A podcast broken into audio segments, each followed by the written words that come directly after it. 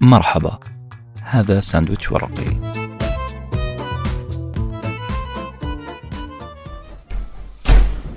كيف تتحدث لأي أحد في أي وقت في أي مكان؟ أصدقائي صباح الخير مساء الخير كل أوقاتكم خير.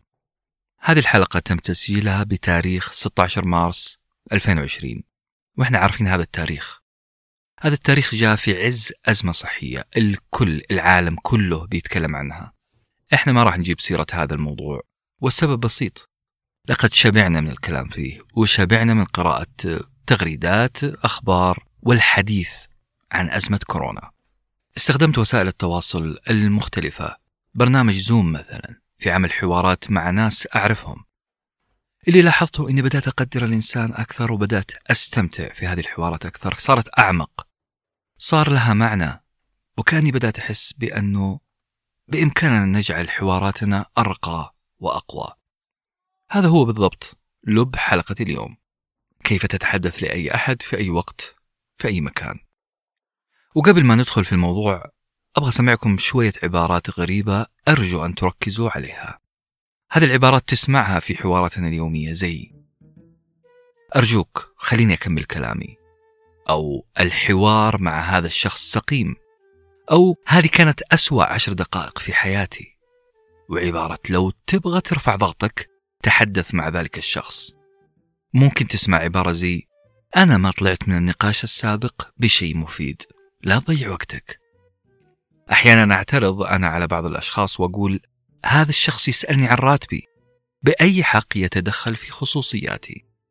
اللي سمعتوه للتو هي أعيرة نارية نطلقها عادة عشان نعبر عن انزعاجنا من حوار حصل مع شخص آخر لكن السؤال يا ترى إيش اللي يزعجنا في النقاشات عادة؟ هل في عناصر معينة فعلا تجعل الحوار مزعج؟ من هو المحاور المزعج؟ ولين نحس أن الحوار أحيانا مع فلان مزعج ومع فلان آخر حوار مريح ومثمر ما هي نوعية الأسئلة المزعجة وما هي الأسئلة الغير مزعجة بعد قليل راح ندخل موجة موجة يسموها سيل من الأفكار الواعية. هذا السيل من الأفكار الواعية حول الحوار والمحاور الناجح. راح نناقش كتاب اسمه Talk to anyone anytime anywhere. تحدث لأي أحد بأي وقت في أي مكان. هذا الكتاب كتبه المؤلف المذيع المشهور لاري كينج حلقتنا اليوم نوعها مختلف نوعها ثلاثة في واحد. ببساطة لأنه رحلتنا راح تعبر في طريق من ثلاث مسارات. المسار الأول هو أسلوب ال dialectic وبالمناسبة ال dialectic هي كلمة فلسفية معناها الفكرة ونقيضها. إحنا راح نطرح القضية وضدها. وليه نطرح القضية وضدها؟ ببساطة عشان نوصل لمنطقة فهم أعمق وأعلى وأشمل لكل قضايا الكتاب. عشان كذا يا أصدقائي لا تتفاجؤوا لو نقضنا فكرة بذكر فكرة ضدها. المسار الثاني في حلقتنا اليوم هو تقديمنا لبعض المغالطات المنطقية. نعم ستسمعون إن صح التعبير بعض العبط والجدل المبني على منطق خاطئ. ولحسن الحظ أننا سنشير بوضوح لهذه الأخطاء المنطقية لأنه وبصراحة حواراتنا تحتوي على كثير من المغالطات المنطقية. أما المسار الثالث فراح نسمع فيه قضايا مهمة لكل شخص حاط في باله أنه يكون في المستقبل مذيع ناجح أو محاور ناجح. طيب بلاش مذيع أو محاور. أي شخص حاب يخلي حواراته مع أصدقائه ومعارفه أعمق وأشمل وأجمل. أصدقائي إحنا في حلقة اليوم نبغى نطبق قاعدة. القاعدة تقول الشيء إذا لم يتم توثيقه فهو لم يحدث هي قاعدة تستخدم غالبا في المجال الإداري ومعناها ببساطة شديدة ووضوح إنك لو ما وثقت مهاتفاتك واتفاقاتك وإنجازاتك في عملك فهي قابلة للضياع والسرقة كأنك ما فعلت شيء. أنت ممكن تضيع حقوقك كلها كموظف. في ساندويتش ورقي إحنا طبقنا هذا الكلام على القراءة. إذا قرأت ولم توثق ما قرأت فاحتمال أن كل ما قرأت سيتبخر. في النهاية لن تجد شيء تتحدث عنه أو تستعين فيه في المستقبل ما كانك قرأت شيء. لذلك إحنا راح نوثق هذا الكتاب من خلال أمثلة من خلال ربطها بالمغالطات المنطقية. والهدف؟ إننا نوصل لمنظومة قواعد تجعل من حوارنا أعمق وأشمل وأجمل. نقدم لكم اليوم حلقة بعنوان كيف تتحدث لأي شخص. للإعلام الأمريكي المعروف لاري كينج يقدم لكم هذه الحلقة صوتيا أنس بن حسين. أما النص فإعداده الأول كان بواسطة فريق بي زون فريق الكتابة في ساندويتش ورقي. المونتاج الصوتي من إنتاج فريق نوتة ورقية. وللتذكير هذه الحلقة لا تغني أبدا عن قراءة الكتاب.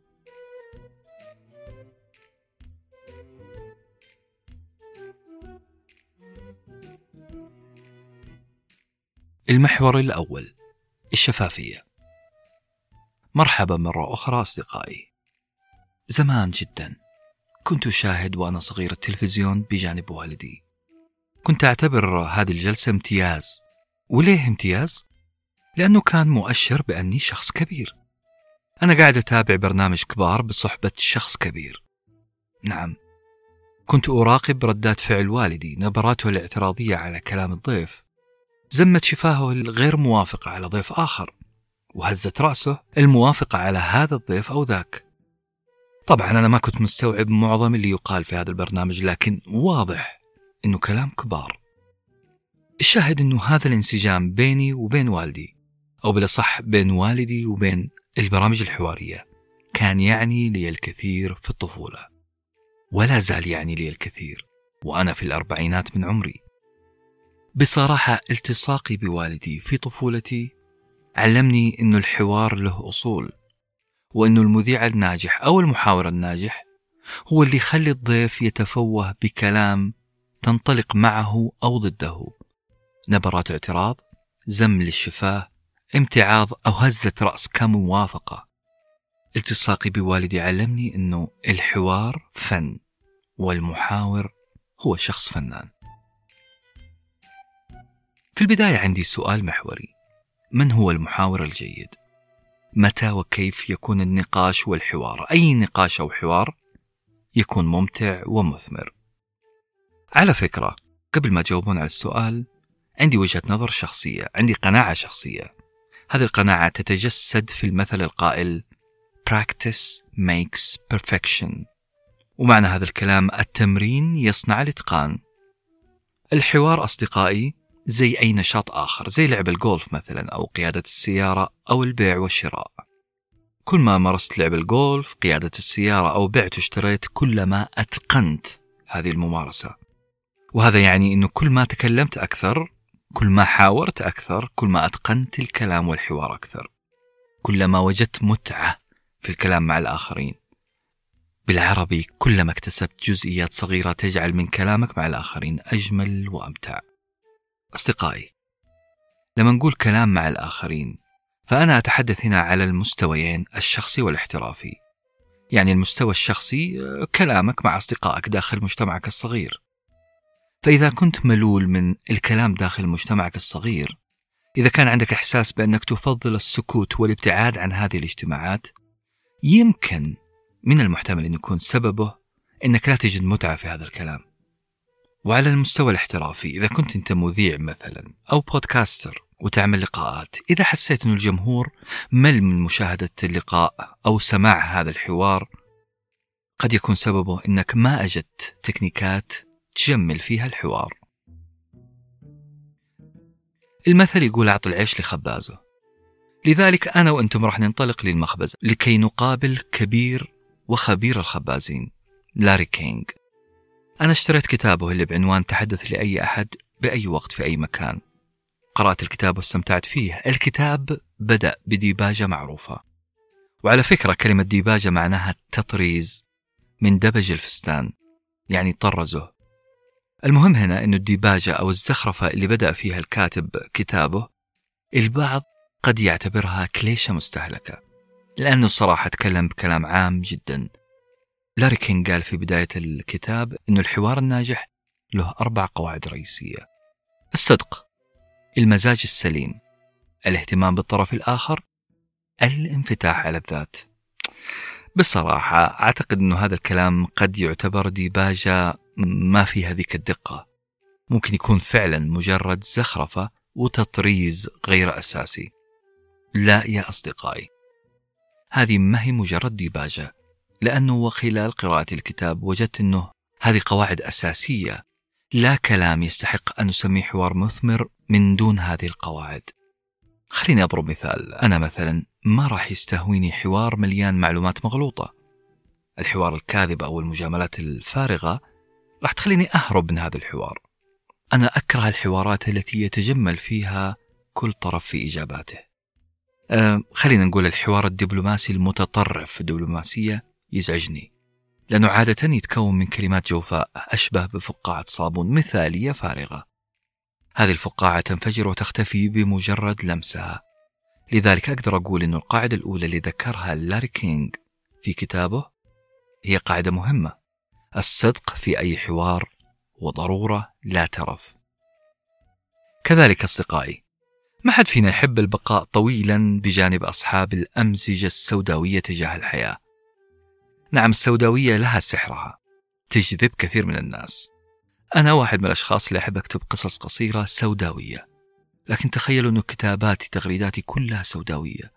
مأساة. مأساة مو لي أنا. مأساة لأصدقائي اللي يقرؤون هذه التغريدات يوميا.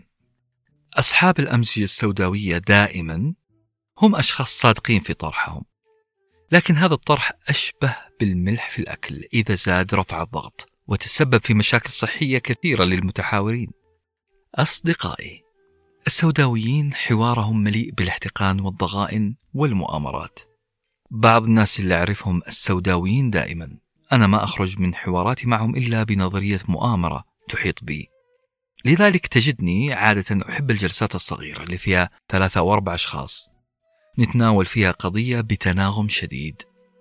لذلك فعلا القاعدة الثانية اللي ذكرها لاري كينج اللي هي المزاج السليم هي قاعدة مهمة في أي حوار مثمر ممتع. نجي للقاعدة الثالثة. لاري كينج يقول الاهتمام بالطرف الآخر. عندي قناعة شخصية أن الاستماع والإنصات للمتحدثين هو سبب رئيسي لنجاح أي حوار. ما أكذب عليكم وأتفشخر وأقول إني إنسان منصت لأنه الإنصات والاستماع للطرف الآخر إلى أن ينتهي حاجة أشبه بالتعذيب خاصة إذا عندي كلام أقوله. لذلك الحلم بالتحلم والصبر بالتصبر والاستماع بالتسمع إن صح التعبير. أحاول غصب عني أني أسمع الطرف الآخر إلى أن ينتهي لأنه قاعدة أساسية من قواعد الحوار المثمر الناجح. أن تهتم بالطرف الآخر. وأهم أشكال الاهتمام هو الإنصات. بلا صح أنا أقصد الاهتمام بالطرف الآخر من الحوار وإعطائه مساحته.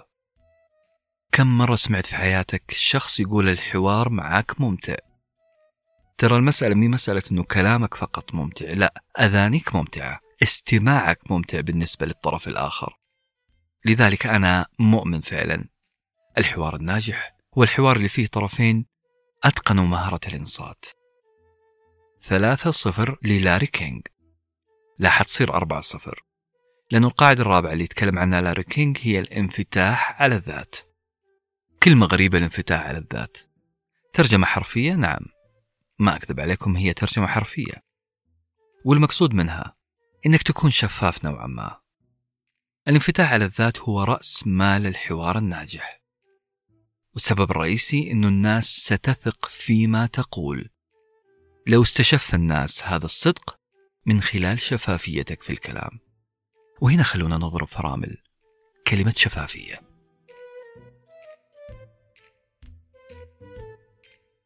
الشفافية. بالإنجليزي يقال لها transparency.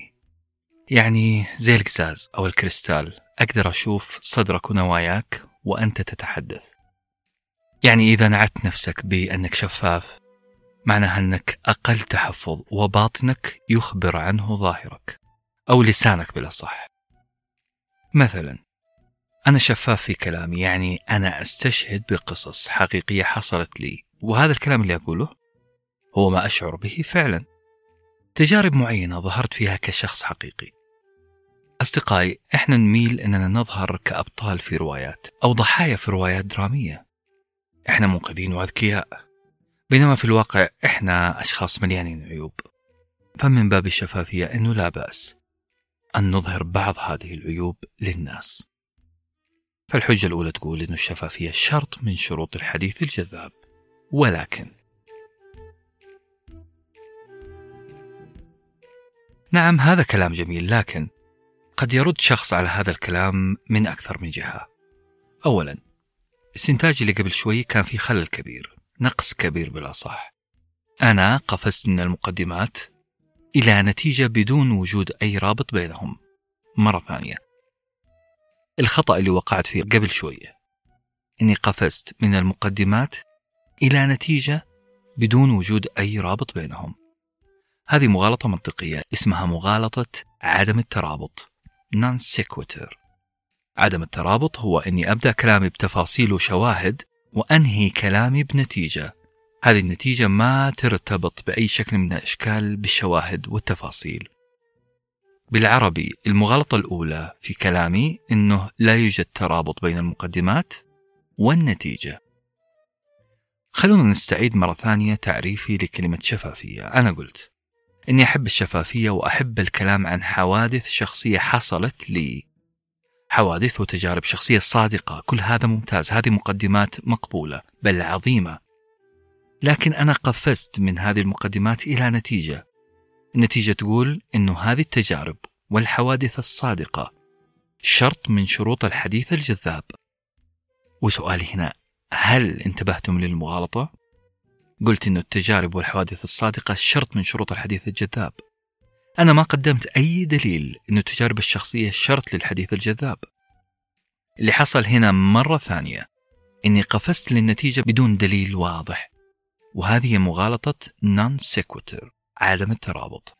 بينما لو قلت مثل أنه من خلال ملاحظاتي أنني عندما أتحدث بالصدق عن قصص الشخصية وتجاربي الحياتية فإنني ألاحظ في أوجه الناس تركيز عجيب قمة في الانبهار. الناس يقولوا لي بعد الحوار معهم أنهم استمتعوا بهذه التجارب. يخبرني الناس حرفيا بأن الحوار معي شيء جذاب بسبب ذكري للتجارب الشخصية. هنا أنا لغيت المغالطة. هنا في ربط واضح بين المقدمات والنتيجة. ولأني قبل شوي عملت مغالطة فأنا أعتذر عن هذه القفزة الغير مسؤولة. بلا صح سامحوني على مغالطة عدم الترابط.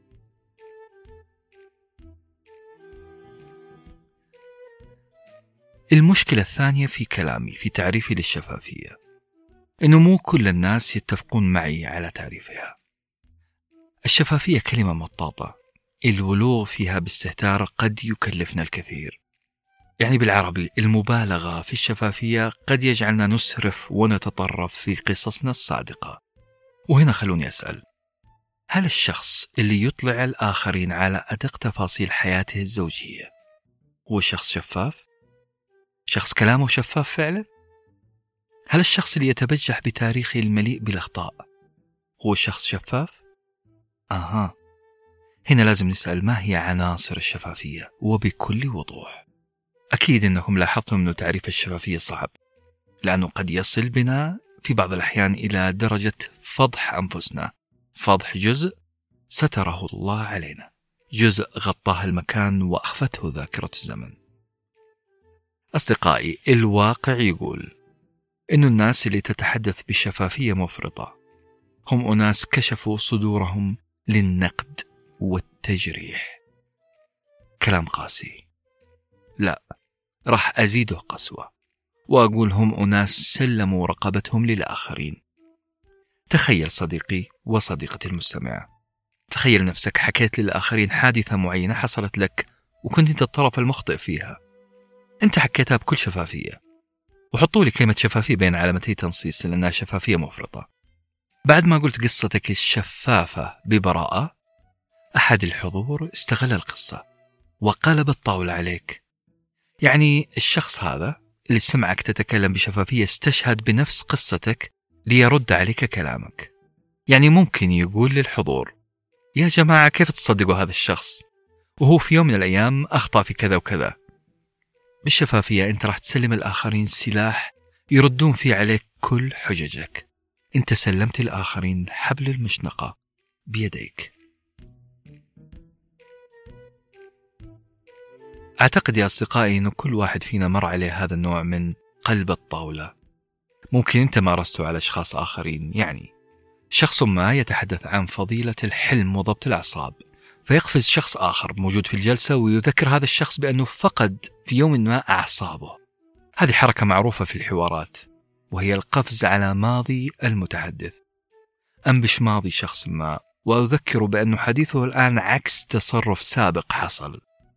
الشيء الجميل الآن أنه هذا التصرف هو خطأ منطقي بنفسه هي مغالطة منطقية بلا صح. ليس حجة أن تنبش ماضي شخص عشان تخطئ كلامه الحاضر. كوني مثلا أنا اتخذت قرار خاطئ في تجارتي مثلا قبل خمس سنوات. هذا مو معناه أنه رأيي الحالي في التجارة الإلكترونية خاطئ. البعض عادة يحب شخصنة الحوار. البعض يدخل في تاريخ وشخصية وأصل وفصل المتحدث على أساس أنه هذه الأخطاء اللي في الماضي هي دليل حجة على خطأ الآن. هذه كارثة. الحجة نفسها اللي قاعد أقولها الآن لم تحلل ولم تناقش بل أنت تحاول هدمها بسبب شخصيتي وماضيي وكأننا نقول أنت صابتك لعنة بسبب خطأ معين قديم فيك. هذا الخطأ اللي عملته زمان راح يكذب أي شيء تفعله في الحاضر مهما كان كلامك صح. هذه مغالطة شخصنا أو اللي يسموها في المنطق ad hominem. وهي أنا أتجاهل كلام المتحدث وأهجم على شخصيته على شكله على ماضيه. أنا هاجمت الشخص للحجة وهذه مغالطة واضحة جدا وللأسف منتشرة.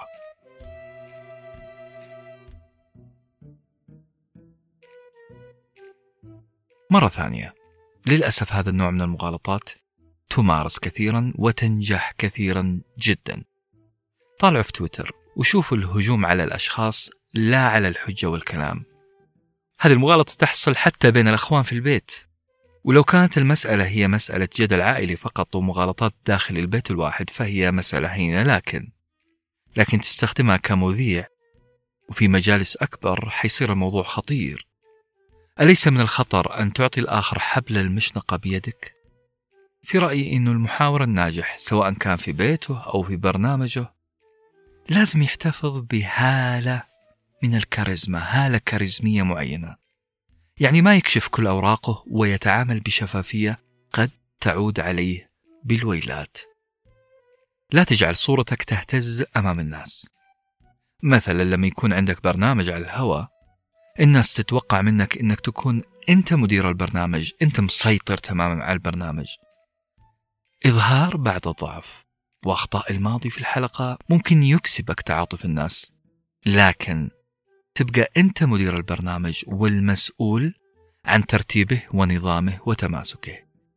يعني لو استغل أحد عيب ذكرته عن نفسك قد يفسد كل برنامجك. مصداقيتك قد تضعف أمام الناس صورتك ستهتز. لذلك أنا أتحفظ جدا على كلمة شفافية أتحفظ ككل على كلمة vulnerability. Vulnerability هي جوانب النقص فينا كبشر. لازم نكون حذرين. ودقيقين في تعريف هذه الكلمة. عشان كذا حنركز عليها شوية.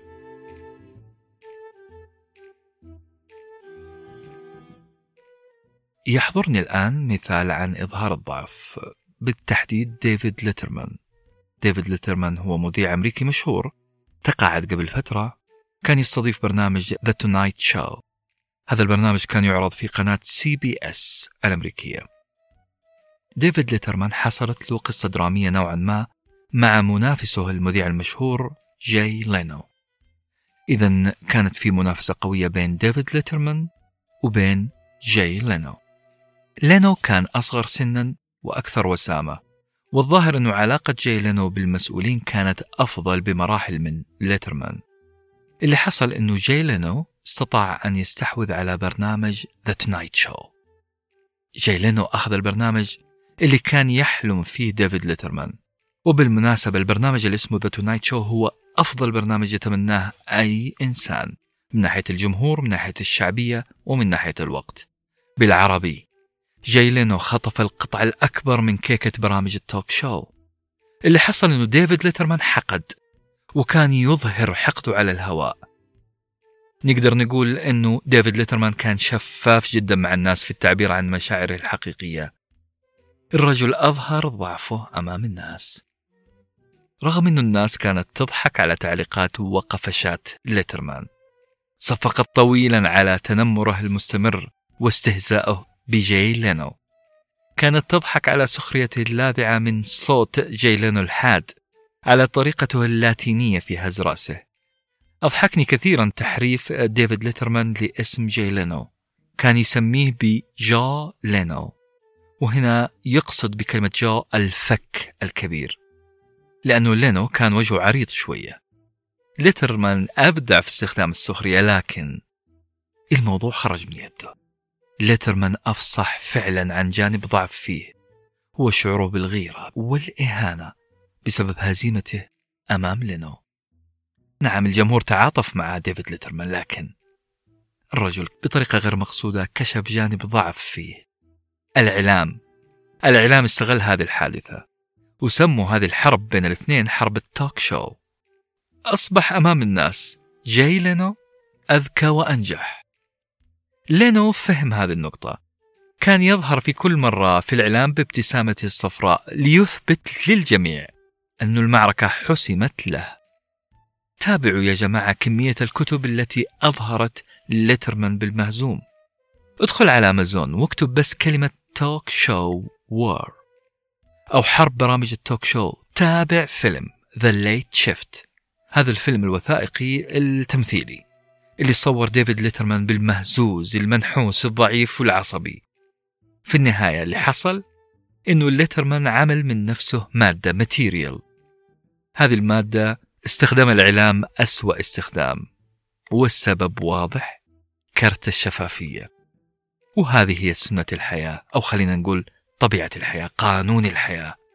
الضعيف يستغل المهزوم يستغل والشخص اللي يظهر ضعفه كأنه يقوم بالانتحار. وهذه العبارة قالوها لنا الأولين.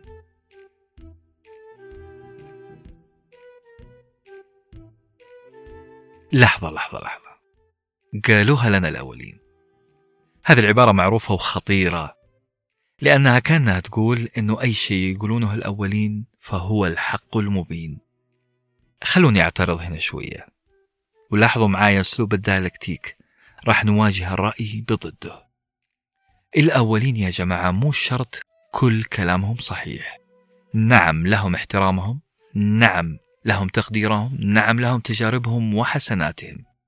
لكن الاحتكام لعبارة قالوها السابقين أو الأولين هي عبارة خاطئة. الأولين ما هم مختصين علم اجتماع ولا عباقرة تفكير منطقي ولا منظرين نفسيين.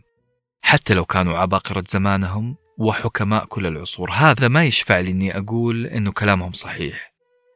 الاستناد على رأي شخص عنده سلطة علمية أو تجربة كبيرة مو دليل صحة الحجة. طبيب الأسنان الفلاني قال كلمة عن الأسنان مو شرط تكون صح. نعم نسبة الصح قد ترتفع ثقتي في كلامه حتزيد لكن ليس دليل أنه كلامه اللي قاله صح. والإصرار على أنه كلامه صح هي مغالطة منطقية اسمها الاحتكام إلى شخص يمتلك سلطة علمية. بالإنجليزي يسمونها argument from authority. خلينا نضرب مثال. لما أقول لك بروفيسور في علم الاقتصاد في جامعتنا يقول إنه الإنترنت راح يضر باقتصاد البلد. إذا آخذ هذه العبارة أخذها كحق مبين. أحتكم لسلطة هذا البروفيسور بدون تقديم براهين ومبررات. هذا خطأ منطقي فادح لأنه وببساطة إحنا ما ناقشنا حجة هذا البروفيسور. إحنا اعتمدنا على أنه هذه الحجة صحيحة لأنه بروفيسور في هذا العلم. إلى صح أن نطلب من البروفيسور تبرير رأيه. إذا الاحتكام للسلطة هذا خطأ منطقي. كذلك إحنا يا جماعة ما نقدر نحتكم لسلطة الأغلبية. وهذه مغالطة أيضا يسمونها argument from popularity. يعني ما نقدر نقول كل الناس يعتقدون بأن الأرض مسطحة. إذا الأرض مسطحة. كل الناس ليس دليلا على صحة الحجة. ومغالطة ثالثة كمان يسمونها مغالطة سلطة الأفكار المتوارثة. Argument of antiquity. وهذا اللي يهمنا الآن. Antiquity على اسمها هي رأي أنتيكا. وأنتيكا هنا مو معناها شيء حلو بل أنتيكا يعني قديم ومتوارث. الرأي المتوارث أبدا ما هو دليل على صحة الحجة المطروحة. أو كما سماه بقسوة بعض الساخرين هذه السلطة أو هذه الحجة هي احتكام لضغوط أناس متوفون. أصدقائي نرجع للشفافية. الشفافية اللي كنا نتكلم عنها هي كما عرفناها هي محاولة الظهور للجمهور أو للناس عموما بشكل طبيعي. أنك تبين أمام الناس أخطائك أو عيوبك.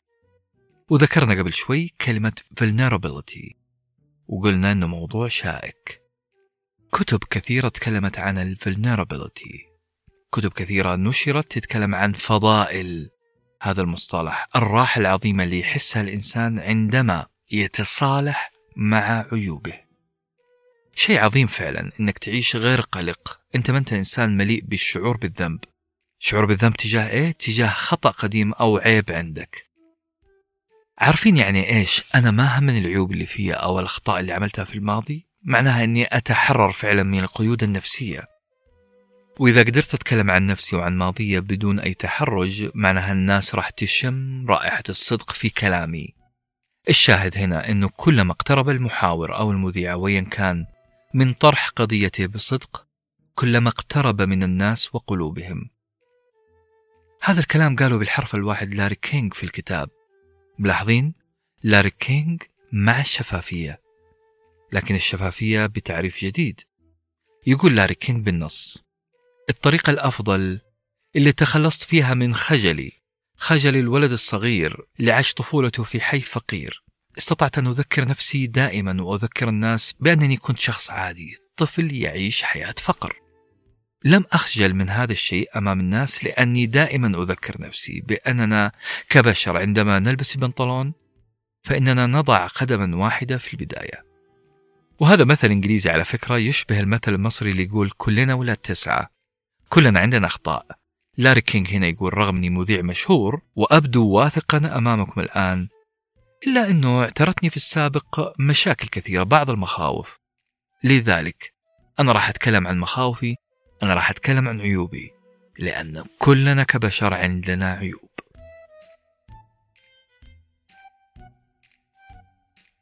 لاري كينج يقول الناس ما تبغى تتكلم مع شخص متبجح متململ متطاول.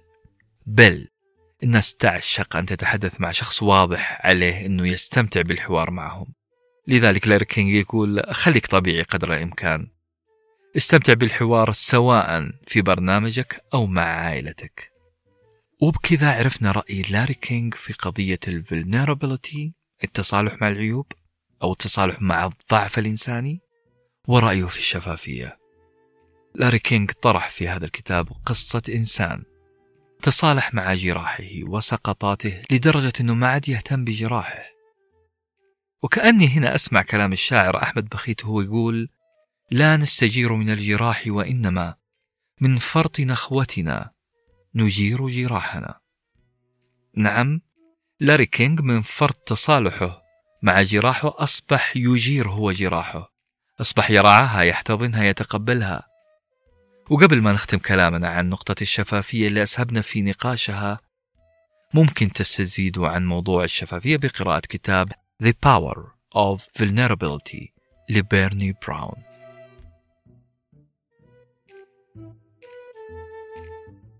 المحور الثاني الفكاهة.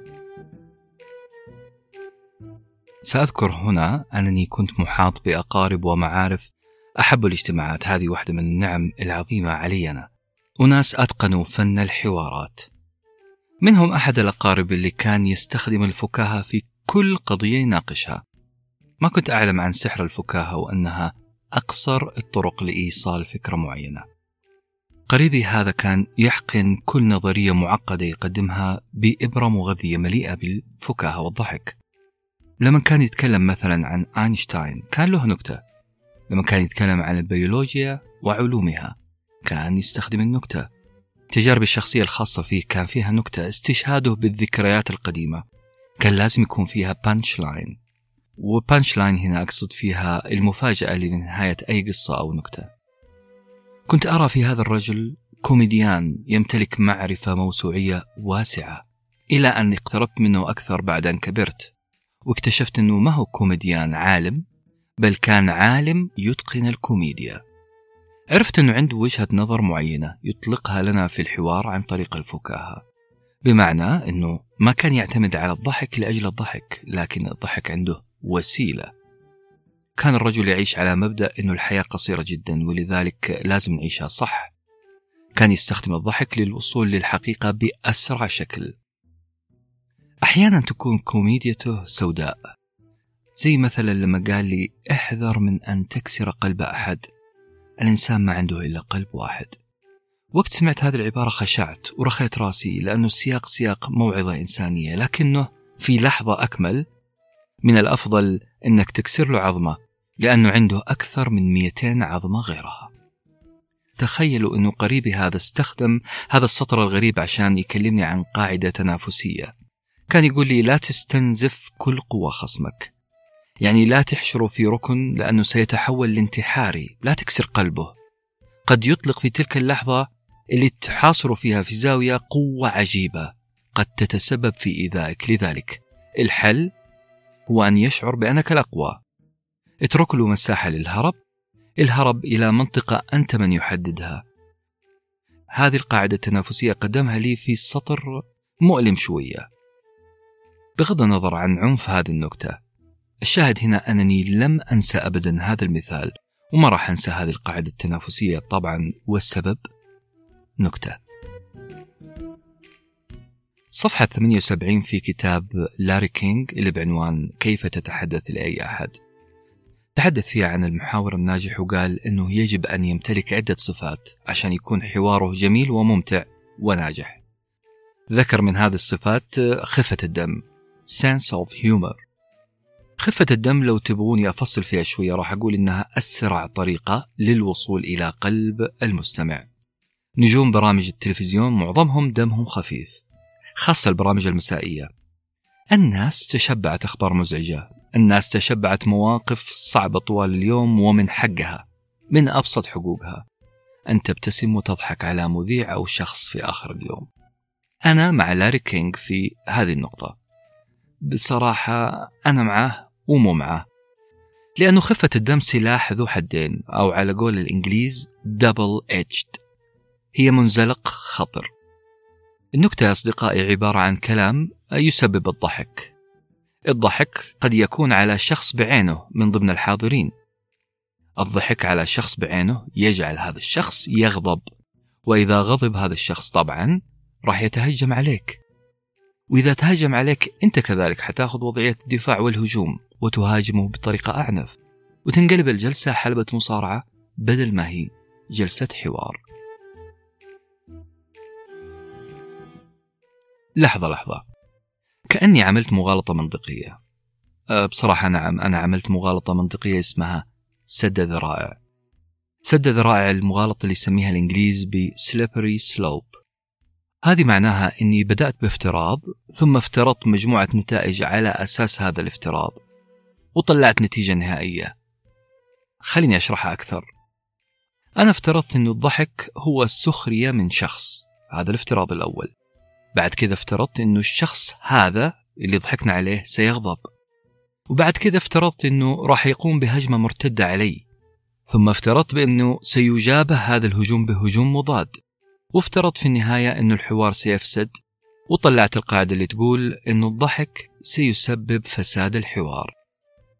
ملاحظين الافتراضات المتزحلقة الواحد وراء الآخر؟ أنا أخذت افتراض وزحلقت عليه عدة نتائج ووصلت لنتيجة نهائية وأصدرت حكم.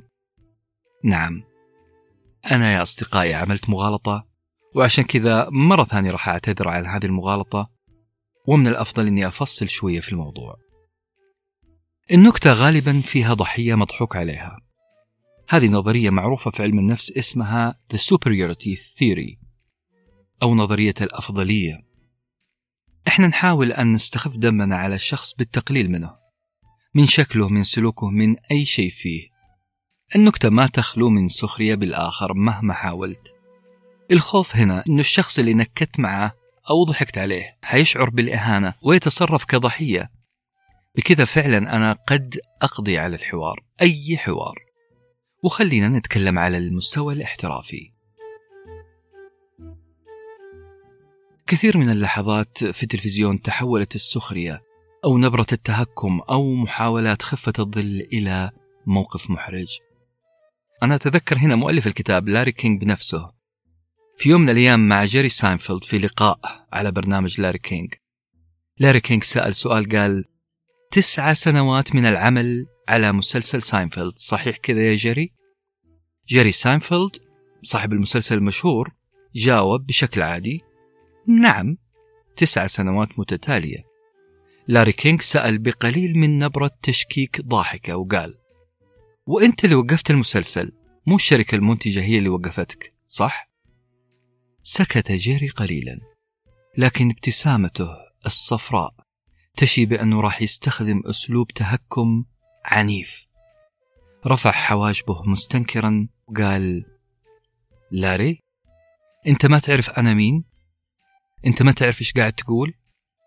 أنت ما أنت عارف إنه أنا اللي وقفت المسلسل؟ تعتقد إنه المسلسل العظيم جيري ساينفيلد حيتوقف لأنه غير مجدي؟ لاري كينج انتبه للموضوع بسرعة وابتسامة قال آه جيري هل جرحتك؟ هل جرحتك يا جيري؟ إلى الآن المشهد جميل ومضحك.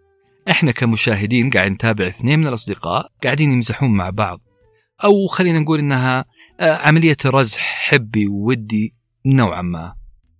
لكن مستوى التهكم ارتفع. ارتفع بسرعة شديدة وبدأ جيري يطلق نبرته المتنمرة بصوته الحاد ويقول هل تعلم من أنا؟ هل برنامجك هذا برنامج توثيق محترم؟ هل في برنامج يعتبر نفسه برنامج توثيق محترم يسأل هذا السؤال؟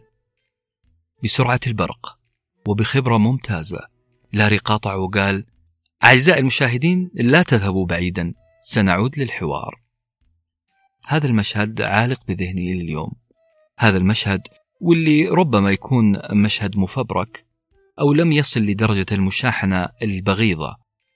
إلا أنه يبرز لنا أن النكتة وخفة الظل إذا ما كانت موجهة صح وبالدرجة السليمة إذا ما كانت مصاغة بطريقة صحيحة فإن أحد الأطراف راح يحس أنه ضحية راح يحس أنه النكتة عليه راح يحس أنه تضرر بلا ريب وسيهاجم.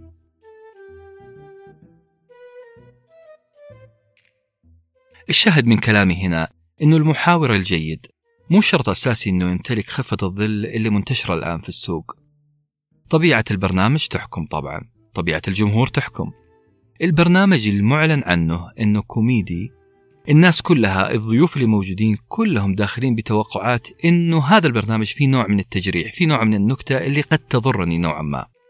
لكن البرامج الحوارية الجادة إذا أقحمت فيها الكوميديا فهذا الشيء خطر نوعا ما. لأنه البرنامج جاد وأي محاولة للهزل قد تبدو إنها محاولة استنقاص متعمد من الضيف. هذا البرنامج الجاد قد يتحول إلى هزل وزعل والعكس صحيح. والمسألة مو بس في برامج التلفزيون حتى في الجلسات العائلية. الساركازم اللي هي السخرية والتهكم قد يكونان جارحان بنسبة كبيرة لأقرب الناس لك. وهذا مو كلامي أنا. هذا كلام روجر سكروتن فيلسوف كبير تكلم عن السخرية وعن الفكاهة وقال أن السخرية قد تتحول إلى أداة حطوا لي خطين تحت العبارة الجاية تدمير واعي attentive demolition. السخرية أداة تدمير واعي أكثر المتضررين بها هم أقرب الناس لك. عشان كذا يا جماعة أنا أحترم جدا المذيع الأمريكي جيمي فالون جيمي فالون هو مذيع يحاول دائما أنه يبتعد بكل طريقة عن التهكم وجرح الضيف. هذا الشيء غريب في مذيعي التوك شو. لأنه مذيعي التوك شو مذيعي البرامج الحوارية المسائية عندهم سمعة قوية بأنهم jerks. وكلمة jerks هنا معناها فجين في كوميديتهم ومزحهم وهذا مو سر. هذا الشيء صرح فيه جيمي فالون بنفسه. قال جيمي فالون أنا لا أحاول أن أبدو متذاكيا أمام الكاميرا. لا أقول شيء ممكن يجرح الضيف. طيب والحل؟ هل أنا ما أقدر أستخدم الكوميديا أبدا؟ هل الكوميديا والسخرية اللي تيجي مع خفة الدم هي شيء خطأ بالكامل؟ رأيي الشخصي يا أصدقائي. أنا ما أجد شيء يمنع المحاور أنه يكون خفيف دم. ورغم أنه قد يبدو لك أنه في الكتاب لاري كينج قال استخدم خفة الظل لكن لاري كينج ما قال اسخر من الضيف. ولا فيه أي إنسان يجوز السخرية بأي أحد. قد تكون الفكاهة جارحة وفيها سخرية مؤلمة نوعا ما. لكن الفكاهة ممكن تكون نقية ما فيها أي شوائب ولا استنقاص من شخص بعينه. إلى الآن يا جماعة أنا عندي اعتراض على فرضية أن النكتة دائما وبدون تفاهم راح تسبب الزعل. عندي اعتراض على السببية إننا ربطنا النكتة بالزعل.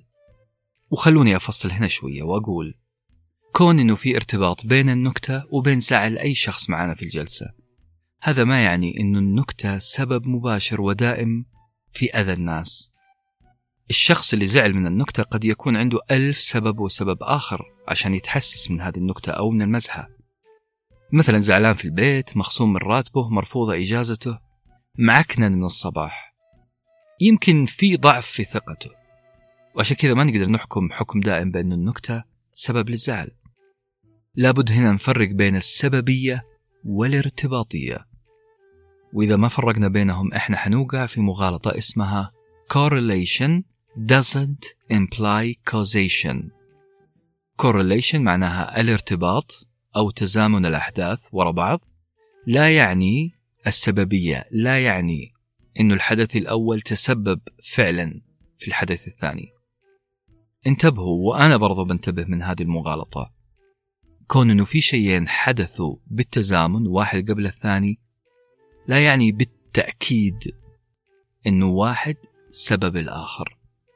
هذه مغالطة نعملها كثير.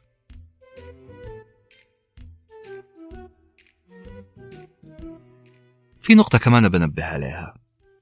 أنا لا أرى أن الفكاهة والسخرية كلمتين مترادفتين.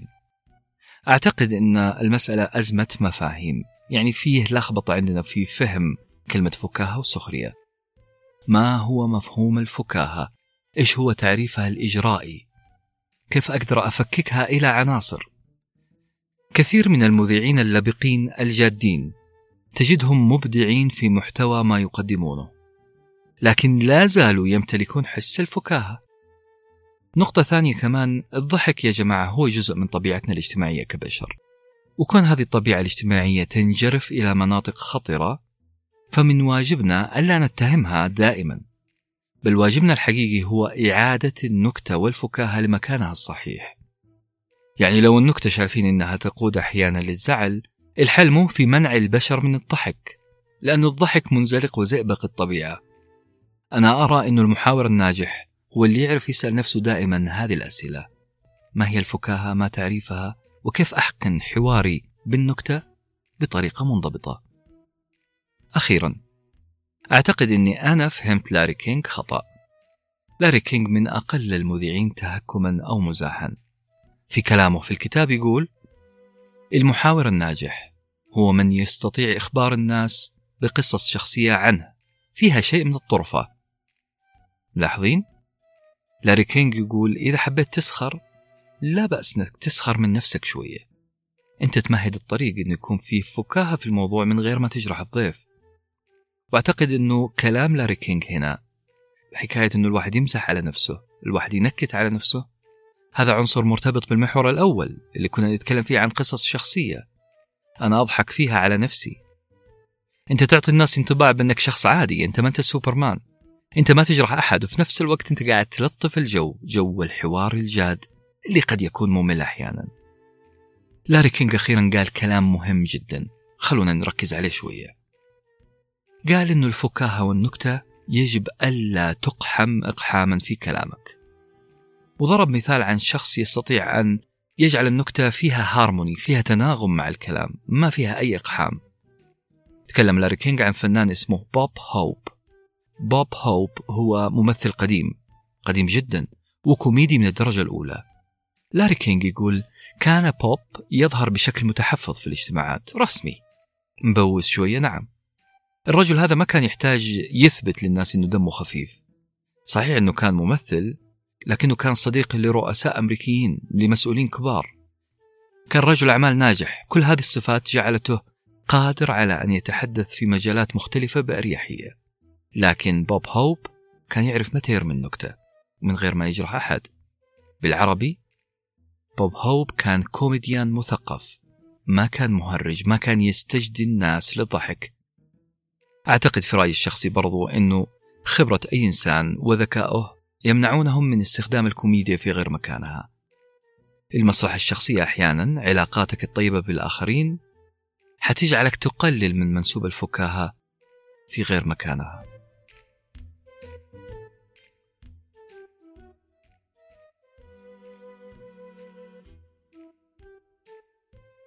المحور الثالث أشهر المحاورين. في group صناعة المحتوى سألت سؤال بريء جدا وقلت من هو مذيعكم المفضل؟ تنوعت الإجابات كما هو متوقع.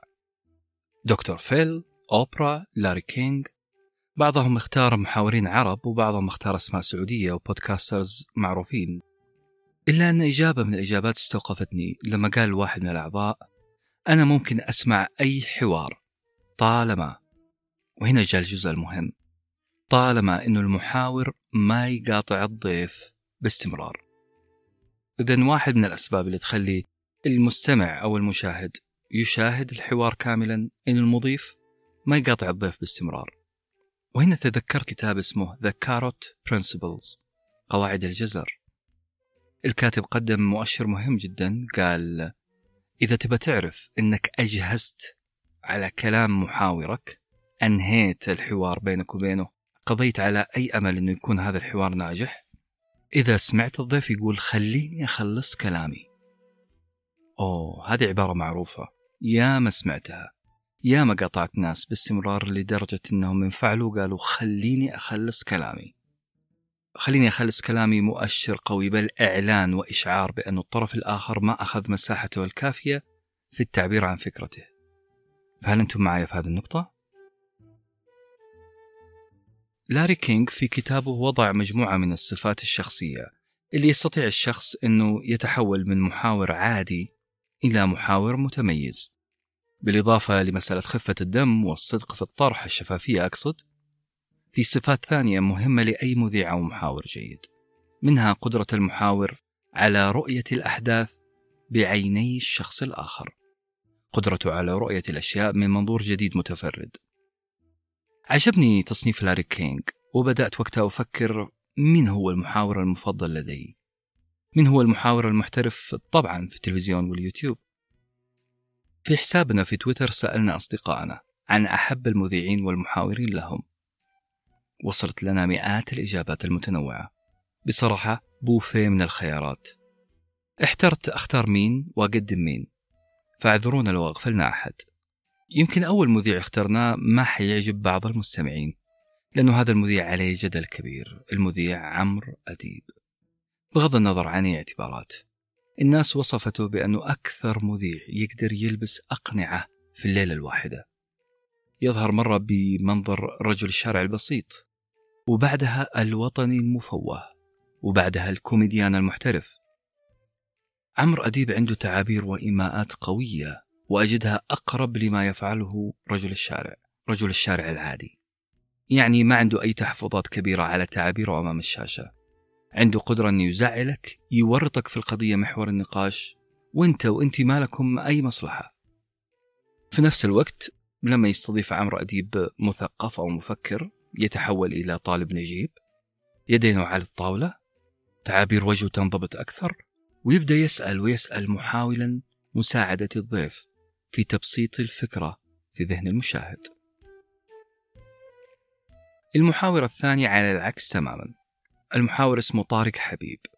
طارق حبيب هو مذيع أهدأ من النسمة منظم جدا.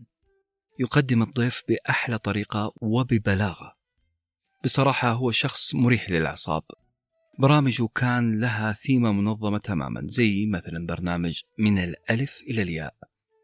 كان يسرد الأحرف العربية من الألف إلى الياء أمام الضيف ويقول له مثلا حرف الألف. اختار يا عزيزي الضيف كلمة بحرف الألف. يختار الضيف الكلمة وعلى أساسها يصيغ سؤاله. برنامج منظم جدا. وفعلا طارق حبيب كان صحفي فضولي شوية لكنه مهذب ومحترم.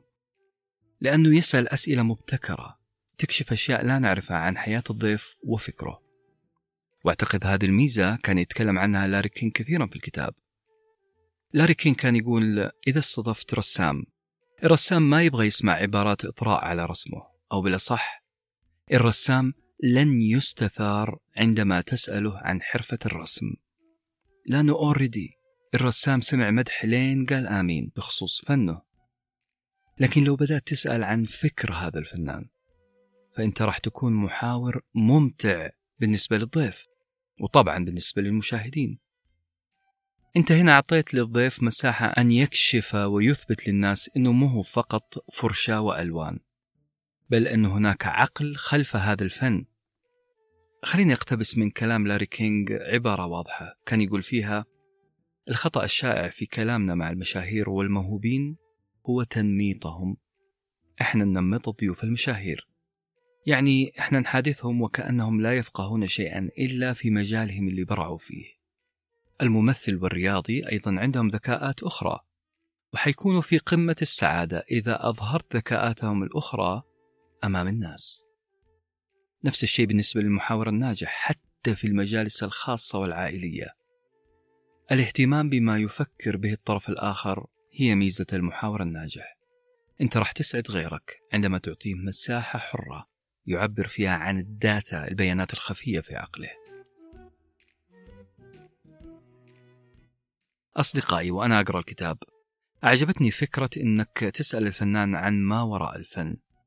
لكن بصراحة عندي تخوف شوية من موضوع الأسئلة. أنا أشوف الأسئلة اللي توجهها للآخرين سلاح ذو حدين. الأسئلة القصيرة مثلا اللي جوابها نعم أو لا تعتبر كلبشات في يد المتحدث أو بالأصح على لسان المتحدث إما نعم أو لا. أنا إجمالا ضد التفكير الأبيض والأسود وكنت دائما أقع فريسة للمتحذلقين المنطقيين. أسئلة الأبيض والأسود فيها نوعا ما تأطير للشخص أمامك وكأنه لا يوجد أي إجابة إلا نعم أو لا.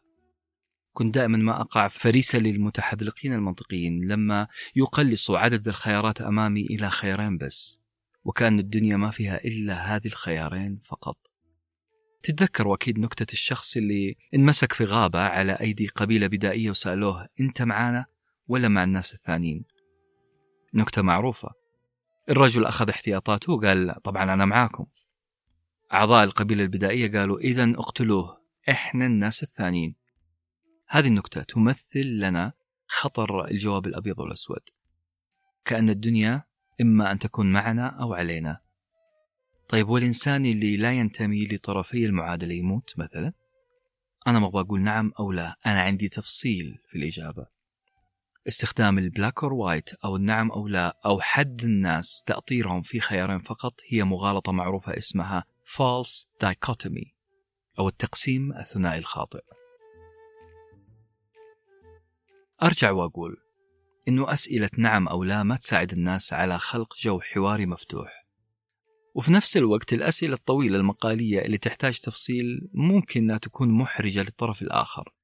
يمكن تدخل في مناطق حساسة يعيشها الطرف الآخر. عشان كذا الأسلم يا جماعة. وبحسب كلام لاري كينج في الكتاب أن تصيغ عبارة بسيطة عن موضوع السؤال وتتبعه بتساؤل. إيش رأيك في هذا الكلام؟ حطوا لي قوسين بين إيش رأيك؟ إيش رأيك هو مفتاح الباب الذي يطل على جنة مترامية الأطراف من الأفكار في رأس الضيف؟ إيش رأيك هو ضوء أخضر للطرف الآخر؟ إنه يطرح كل ما لديه بالأسلوب اللي يبغاه بالكميات اللي هو يبغاها. أنت تترك مساحة للضيف أن يعبر عن موقفه بدون ضغوطات أو حدود. أوبرا وينفري. تعجبني جدا هذه الإنسانة. وتقريبا هي أكثر مذيعة ذكرها أصدقائنا في تويتر كمذيعة مفضلة لديهم. قرأت مقال مرة يحلل أبرز سماتها ليش أوبرا وينفري؟ أوبرا وينفري. وجدت أنه عندها مجموعة من الخصائص زي التوقيت الممتاز لطرح الأسئلة. تعرف متى تسأل ومتى تسكت. وهذا يؤكد أنها أعدت لقائها بشكل ممتاز. هذا دليل أنها تسمع لضيفها صح. الإنصات. أوبرا موفري مو بس تنصت بإذنها بل بكل حواسها للضيف. ابتساماتها تعبيراتها تقول أنا سمعتك يا ضيفي أنا أنصت وفهمت كل ما تريد أن تقوله. وبعدها تهجم بسؤال. سؤال مناسب في وقته ومحتواه. لكن مو بس هذا كل شيء عن أوبرا وينفري. أحد أسرار عظمة أوبرا وينفري كمذيعة هو التوكيد. نعم أوبرا ملكة التوكيد. توكيد بأنها استمعت جيدا للضيف. فهمته. لخصت فكرته بعبارات سهلة ممتنعة. على كلام أوبرا وينفري تقول أنه هذا هو العنصر الأهم في معادلة المحاور الناجح. يجب أن يشعر الضيف أو تشعر أنت الضيف بأنك سمعته فعلا. لذلك اجعل محاورك يشعر بأنك فهمته. نقطة آخر السطر. المقال اللي قرأته عن أوبرا وينفري كان مقال عظيم. عنوانه تكنيكات المقابلات المستمدة من أوبرا.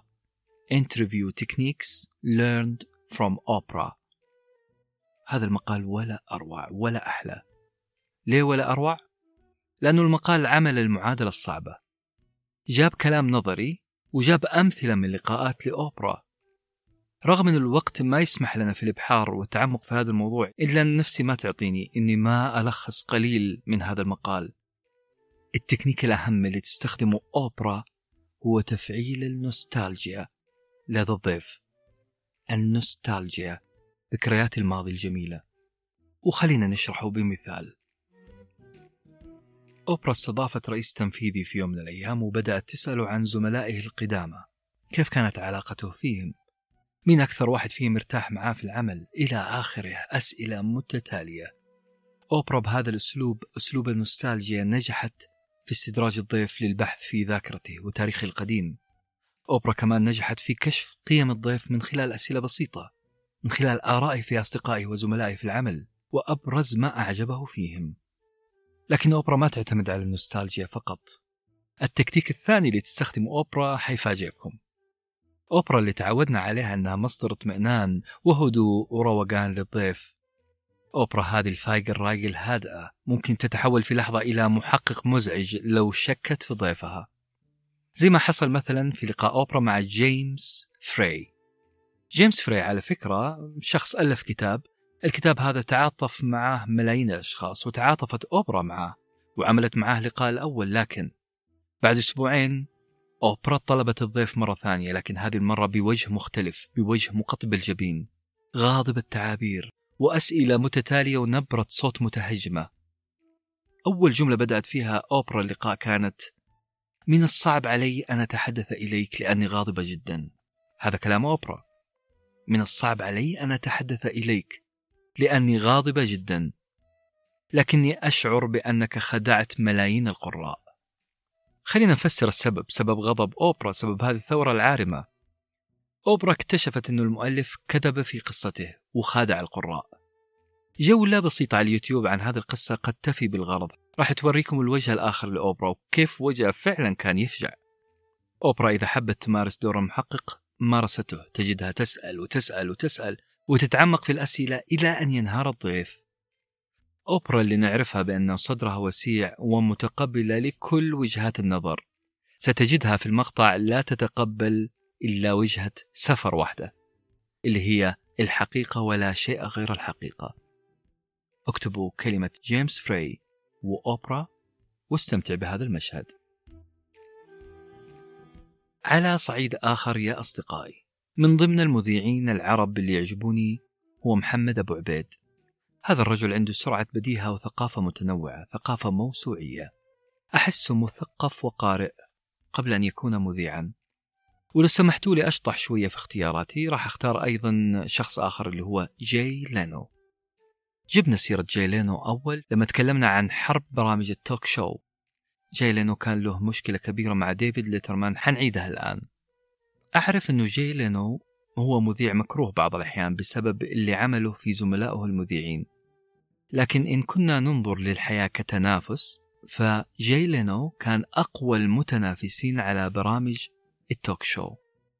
لينو بغض النظر عن أنه كما يقال بوجهين وأنه ولا مؤاخذة أعزائي المستمعين أنه كان يمسح جوخ على قولة المذيع هاورد ستيرن إلا أنه برغم هذا كله لينو كان من أكثر المذيعين براعة في مشاركة الناس تجاربهم. لينو كان مرن جدا مع الضيوف كان يحسسهم بالراحة في المكان. وهنا كلمة السر المهمة. comfort الراحة.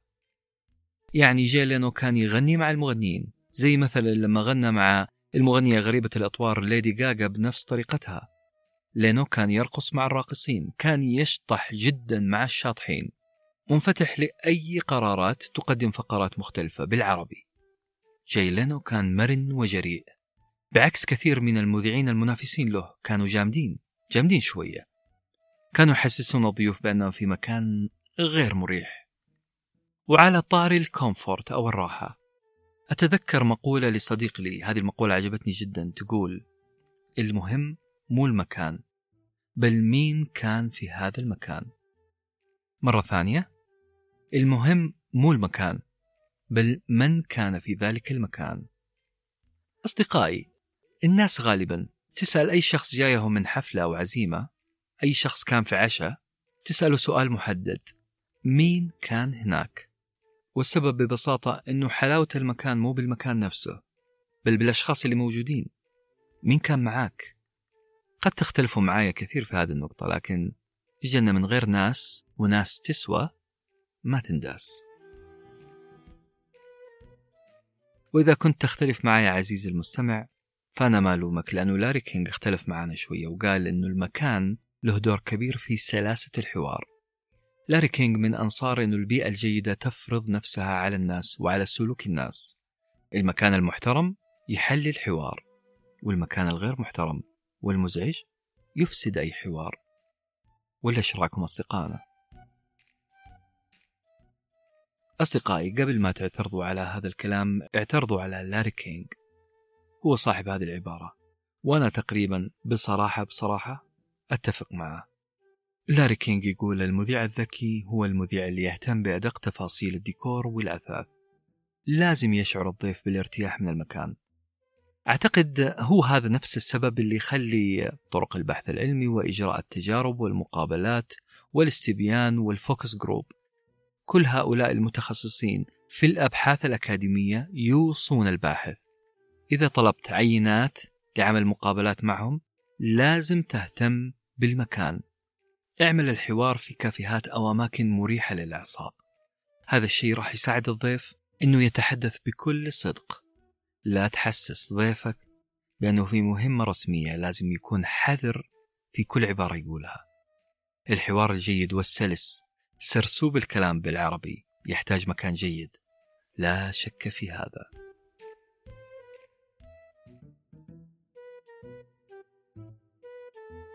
المحور الرابع كيف أبدأ الحوار؟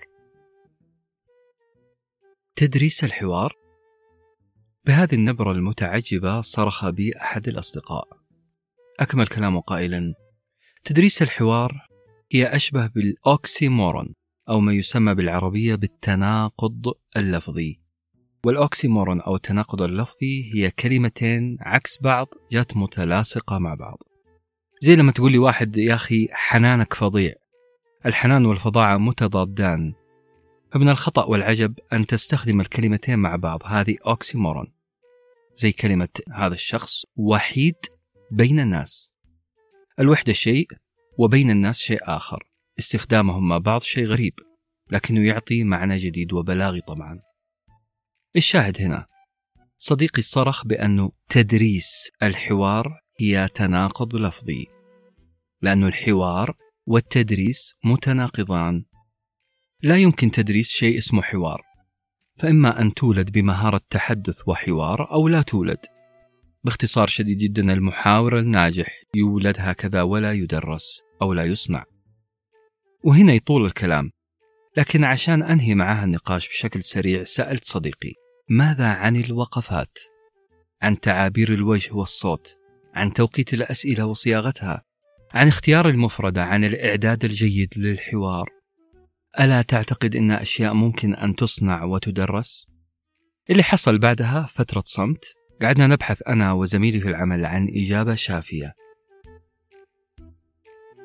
خلونا نخش في المحور الرابع والأخير. كيف يبدأ المحاور الجيد حواره؟ الكتاب هذا ما هو تطوير ذات بل أفكار مبعثرة. أفكار كتبها وقالها لاري كينج يرميها في كل مكان. مهمتنا كقراء هي التأمل فيها وتحليلها والإضافة عليها. قراءة تفاعلية كما يقال. الكتاب ما أعتبره مرجع مفصل لكل شخص يبغى يعمل حوار فعال. لا لا لا. لكن الكتاب فيه خطوط عريضة من شخصية اعتبارية في الإعلام. خطوط عريضة تشجع القارئ أنه يبحث أكثر في قضايا عدة. يهمني أقول شيء. هذا النوع من الكتب مستسخف جدا. لأنه في سمعة سيئة عن كتب الهاو تو أو الكتب اللي عناوينها كيف تستطيع أن تفعل كذا وكذا. أنا ما أختلف معاكم أنه في كتب استهلاكية كثيرة من هذا النوع لكن لازم ننتبه أننا ما نوقع في مغالطة القصص الشخصية.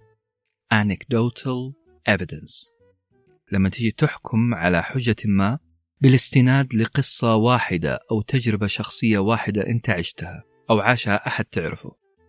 مثلا أجي أقول إنه جدي اكتسب ملكة الشعر بسبب صعوده المتكرر على سطح البيت وتأمله في الشهب.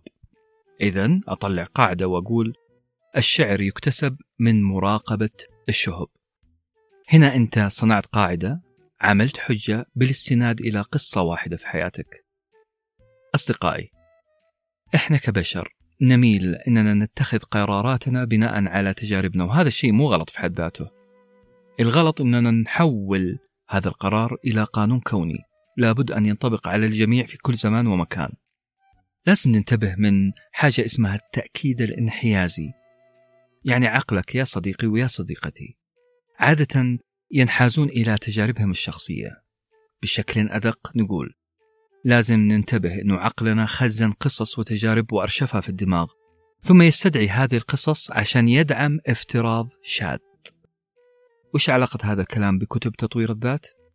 ببساطة لأني أنا اشتريت كتاب من كتب تطوير الذات أو من كتب ال how to وطلع كتاب سطحي وسخيف واستهلاكي. إذا كل كتب تطوير الذات وكتب ال how to هي كتب سطحية وتافهة. انتبه من أرشيف عقلك لا يجعلك تقرر بطريقة فيها مغالطة. ومن هنا بنطلق وأقول إني كل ما رجعت للكتاب وقرأته. يلفت نظري رأي لاري كينج في نوع الأسئلة اللي المفروض نستخدمها أو يستخدمها أي محاور أو أي شخص يبغى يعمل حوار ممتع. يقول كينج حاول تستخدم طريقة ال what if ماذا لو؟ هذه الأسئلة تشجع على الخيال. ما في إنسان ما يحب يتخيل ما في إنسان ما يحب يكسر نمط التفكير العادي ما في إنسان ما يحب يشارك أفكاره الشاطحة أحيانا مع الآخرين. أبغى أعمل مغالطة منطقية وأعطيكم قصة من تجاربي الشخصية وأقول كنت أتابع مباراة في بطولة كوبا أمريكا مع صديق لي. كنا نشاهد المنتخب الأرجنتيني يخرج من البطولة. كنت حزين بصراحة أحب الأرجنتين. سألني صديقي قال إيش كان ممكن يصير لو ميسي لعب في منتخب ثاني غير الأرجنتين؟ ماذا لو لعب ميسي لمنتخب آخر غير الأرجنتين؟ هنا شطح خيالي في سيناريوهات بعضها مضحك وبعضها منطقي جدا. وبعضها كان حل عقدة منتخب الأرجنتين مع البطولات. صديقي بهذا السؤال بصراحة خلانا نتحاور حوار جميل. ونقدر نقول مثري. الأسئلة من قبيل ماذا لو هي أسئلة افتراضية تخلينا نفكر بطريقة غريبة شوية وجديدة؟ وخليني أسألكم أصدقائي. ماذا لو كنت ستعيش في جزيرة باقي عمرك؟ وكان بإمكانك أنك تاخذ ثلاث كتب معك. ماذا ستكون هذه الكتب؟ أسئلة زي هذه صحيح أنها مسلية ومضحكة وأحيانا نستسهلها لكنها حتطلق لك خيالك. وأكيد أنها حترتب لك شوية أولويات. ولا زال السؤال مطروح أصدقائي ماذا لو كنت في جزيرة وكان مسموح لك تاخذ ثلاث كتب؟ ماذا ستكون هذه الكتب؟ كتاب لاري كينج إجمالا عجبني. لكن صفحة 99 كانت أجملهم. في الصفحة هذه في سؤال يقول كيف تكتشف عيوبك في الكلام؟ كثير من الناس عندهم ميول أن يكون مذيع أو متحدث رسمي في جهته. كيف يعرف عيوب كلامه؟ يا جماعة ما فينا أحد يعرف قديش يستخدم لزمة معينة في كلامه إلا لو سمع نفسه. أنا قاعد أكرر كلمة يا جماعة أكثر من مرة. هل هي عيب؟ لازم أعرف. لذلك الحل أنك تسجل نفسك وأنت تتكلم وتسمع نفسك مرة واثنين وثلاثة. هذا الشيء حخليك تكتشف عيوب كلامك كلماتك المتكررة اللزمات الأصوات الغير مناسبة التوقفات الغير مطلوبة. التسجيل أشبه بالمراية اللي أرتب فيها ملابسي وشعري قبل ما أظهر للناس. وعلى طاري العيوب في الكلام ما يمنع أبدا أنك تطور من نطقك وأسلوبك في الكلام. كل يوم في حياتي يمر علي أحاول أن أطور طريقة نطقي. لم أولد فصيحا مية في المية ولم أصل حتى الآن إلى الفصاحة اللي أنا أبغاها. لكن الإنسان في مرحلة تطور كل يوم. أنا شخصيا شخص أفنيت ردحا من الزمن. وأنا أقرأ في دراسات تختص باللهجات بالنطق بعيوب النطق بطرق تحسين النطق. وأتذكر الآن نقطتين مهمتين قد تهمكم كذلك. النقطة الأولى لأي شخص يود تحسين لغته الإنجليزية. من متخصص ومن شخص قرأ كثيرا في مسألة اللكنات الإنجليزية وإتقان اللكنات الإنجليزية. عندي لكم كلام مهم يا جماعة أنا وغيري مستحيل إننا نتحدى الرجل اللي من أصول إنجليزية أو أصول أمريكية. أنت رايح تلعب في ملعب ما هو لك والانتصار فيه صعب. إنسان ولد بلسان 24 ساعة بيستخدمه بلكنة محددة. أجي أنا أحاربه في هذا الملعب؟ هذه معركة خسرانة. لذلك أنك تحط هدف أنا أكون أفضل من المتحدث الإنجليزي الأصلي. هذه فيها شوية صعوبة. لكن هذا ما يمنع أن نخفف من ثقل اللكنة الأجنبية على لساننا. هذا الشيء اللي ينصح فيه دائما الناس اللي يعملون في مجال خدمة العملاء. بيضطروا أحيانا يستخدمون الإنجليزية. مع ناس لا تفهم إلا الإنجليزية. استخدام اللكنة المحلية الثقيلة زي الدي الهندية أو الراء العربية والإسبانية ممكن أنها تصعب التواصل معهم. لذلك خير الأمور الوسط. بلاش تقلد النطق الإنجليزي بنفس طريقة الإنجليز وبلاش تستخدم النطق المحلي بحذافيره. الوسط هو تخفيف الصوت المحلي الثقيل. الراء مثلا مو شرط تكون أمريكية بحتة ولا شرط تكون محلية بحتة بل بين البينين وهذا الكلام ما ينطبق علينا إحنا بس كعرب بل حتى على المتحدث الأصلي للغة. يعني الشخص الاسكتلندي مثلا عنده نطق محلي وهذا حيصعب التواصل مع ال international speakers of English معانا إحنا كناس نتحدث الإنجليزية كلغة عالمية. لما نسمع شخص اسكتلندي يستخدم الخاء في كلامه بدل الكا أنا مستحيل أفهمه. التواصل حيكون صفر. لذلك الوصول إلى منطقة دافئة في النص ما هو فرض علينا إحنا بس بل فرض أيضا على المتحدث الأصلي للغة. وطالما دخلنا في حكاية تعلم اللغات أنا مضطر بشكل سريع أني أنبه كل متعلمين اللغة الإنجليزية بأن ينزعوا رداء الندم والشعور بالخجل من نطقهم المحلي. كلنا يا جماعة نمتلك حتة نطق أجنبي. هذه أمور حاصلة حاصلة. هذا الشيء المفروض يكون علامة فخر لا خجل. وأنا ما أتكلم بمثالية هنا. إحنا متعلمين للغة ليست لغتنا. إحنا ما إحنا أصحاب لغة. بالأصح إحنا أصحاب تشكيلة لغوية مختلفة. لا تحاول دائما رفع راية التحدي في وجه أهل اللغة الأصليين لأنه مو هذا هدفنا. هدفنا الوصول لمستوى تواصل عالي بأدق وأصح تركيب لغوي. لم نولد في بيئة إنجليزية أصلية عشان تصطبغ شخصياتنا وألسننا بهذه الصبغة. نرجع لموضوع كيف تبدأ حوارك. لاري كينج يقول فكر كثيرا قبل أن تتحدث. وهذه نصيحة ممتازة جدا وأنا مؤمن فيها. لاري كينج يقول حدد الفكرة الرئيسية اللي ناوي تقولها. لا تحاول تتكلم وفي وسط الكلام تقعد تدور على فكرة. هذا الكلام مو المقصود منه أنك تكتب النص وتحفظه وتقراه للناس لا لا. بل المقصود انه يكون عندي فكرة واضحة في بالي للرسالة اللي بستعرضها بالكلام. وقدم نصيحة أخيرة عجبتني جدا يقول أنت تحتاج إلى مراقب لك مساعد بالأصح. شخص معك دائما ينبهك على كلماتك المتكررة على كلماتك الخارجة عن اللياقة عن أخطائك. خلي عندك كما يقال honest mirror مرآة صادقة. وأخيرا عشان أكون صادق تماما أنا وفريق صناعة المحتوى الكتابي في ساندويتش ورقي فريق بيزون واللي أشكرهم جدا على جهدهم وصبرهم قدمنا بيانات منتقاة بعناية. أبى أعترف تجاهلنا بعض العيوب واللي عملنا هذا بصراحة مغالطة اسمها مغالطة القناص تكساس شارب شوتر وهذه المغالطة تتمثل في المشهد التالي. شخص في يوم وليلة قرر أنه يكون قناص درجة أولى. مسك سلاحه وأطلق رصاصة على الجدار. راح للجدار ورسم دائرة حول مكان الرصاصة وحولها دائرة وحولها دائرة. وصرخ قال أنا جبت الرصاصة في قلب الهدف. إحنا ما نبغى نكون قناصين مغالطين.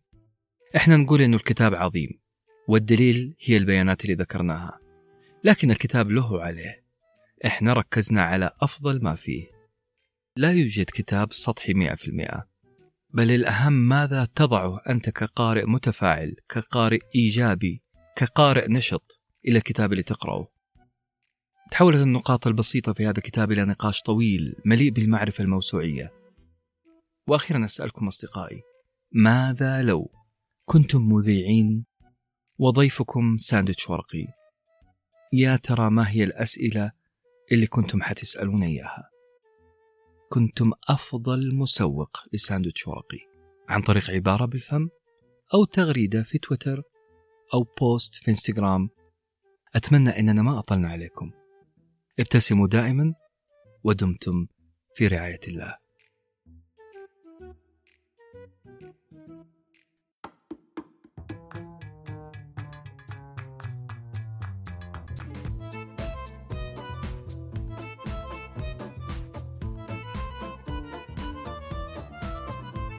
أعجبتني جدا الزوايا الجديدة التي ينظر من خلالها لاري كينج إلى الحوار والنقاش. وأعجبني أكثر الزوايا التي نظر بها طفل صغير إلى مفهوم التنافس. من خلال هذه الزوايا استطاع هذا الطفل الصغير تركيع عمالقة في نفس مجاله. هنا أقصد بالشركة الصغيرة بيكسار وما فعلته مع عمالقة ديزني. ستكون هذه حلقتنا القادمة. نوعدكم أنها تكون حلقة غير. أن يحين الوفاء بالوعد. نترككم في حفظ الله.